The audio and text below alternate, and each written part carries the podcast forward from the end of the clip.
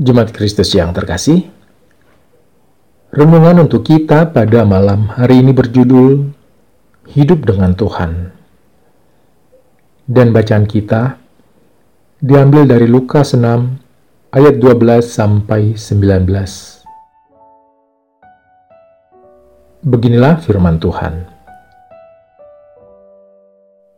Pada waktu itu, pergilah Yesus ke bukit untuk berdoa, dan semalam-malaman ia berdoa kepada Allah.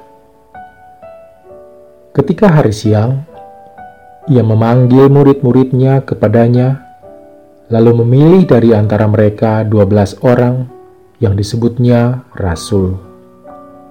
Simon yang juga diberinya nama Petrus, dan Andreas saudara Simon, Yakobus dan Yohanes, Filipus dan Bartolomeus, Matius dan Thomas, Yakobus anak Alfeus, dan Simon yang disebut orang Zelot, Yudas anak Yakobus, dan Yudas Iskariot yang kemudian menjadi pengkhianat.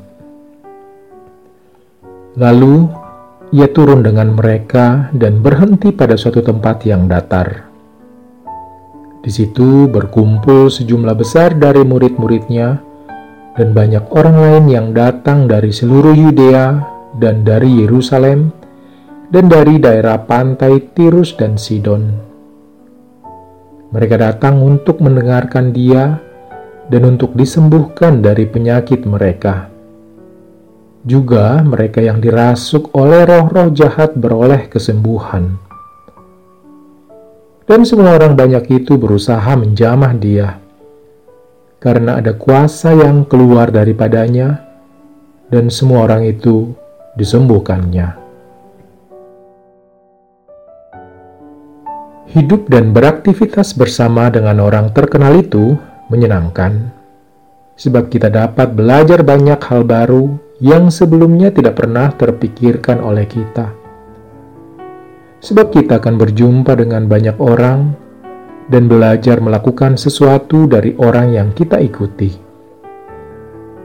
Jadi, bisa kita bayangkan apa yang dirasakan para murid ketika mereka dipilih oleh Tuhan menjadi orang-orang yang hidup di dekat Tuhan. Belum lagi dengan karya Tuhan yang begitu luar biasa tentu menjadi sebuah pengalaman spiritual yang membangun dan mengesankan bagi para murid. Sekarang giliran kita. Betul bahwa kita tidak pernah berjumpa secara langsung dengan Kristus seperti para murid. Tetapi kita dapat melihat dan membaca kisahnya. Ada banyak hal yang Alkitab persaksikan untuk kehidupan kita, dan itu sebenarnya lebih dari cukup untuk pertumbuhan iman kita. Yang perlu kita renungkan saat ini adalah apakah kita benar-benar merasakan pertumbuhan? Apakah kita dapat mengenal Allah lebih jauh lagi dan hidup di dekatnya setiap hari melalui perenungan firman Tuhan setiap hari? Atau jangan-jangan kita menyepelekan Alkitab sehingga tidak begitu berkesan dengan apa yang kita baca?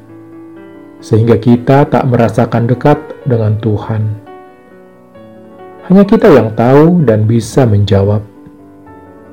Pakailah waktu yang Tuhan berikan untuk belajar dan merenungkan firman Tuhan, agar kita dapat hidup dekat dengannya. Bersyukurlah untuk setiap waktu yang Tuhan berikan kepada kita, itu sesuatu yang berharga. Demikianlah renungan untuk malam ini. Semoga damai sejahtera dari Tuhan kita Yesus Kristus tetap memenuhi hati dan pikiran kita. Amin. Dan sekarang, marilah kita melipat tangan dan bersatu hati untuk menaikkan pokok-pokok doa yang ada dalam gerakan doa 21 GKI Sarwa Indah. Mari berdoa.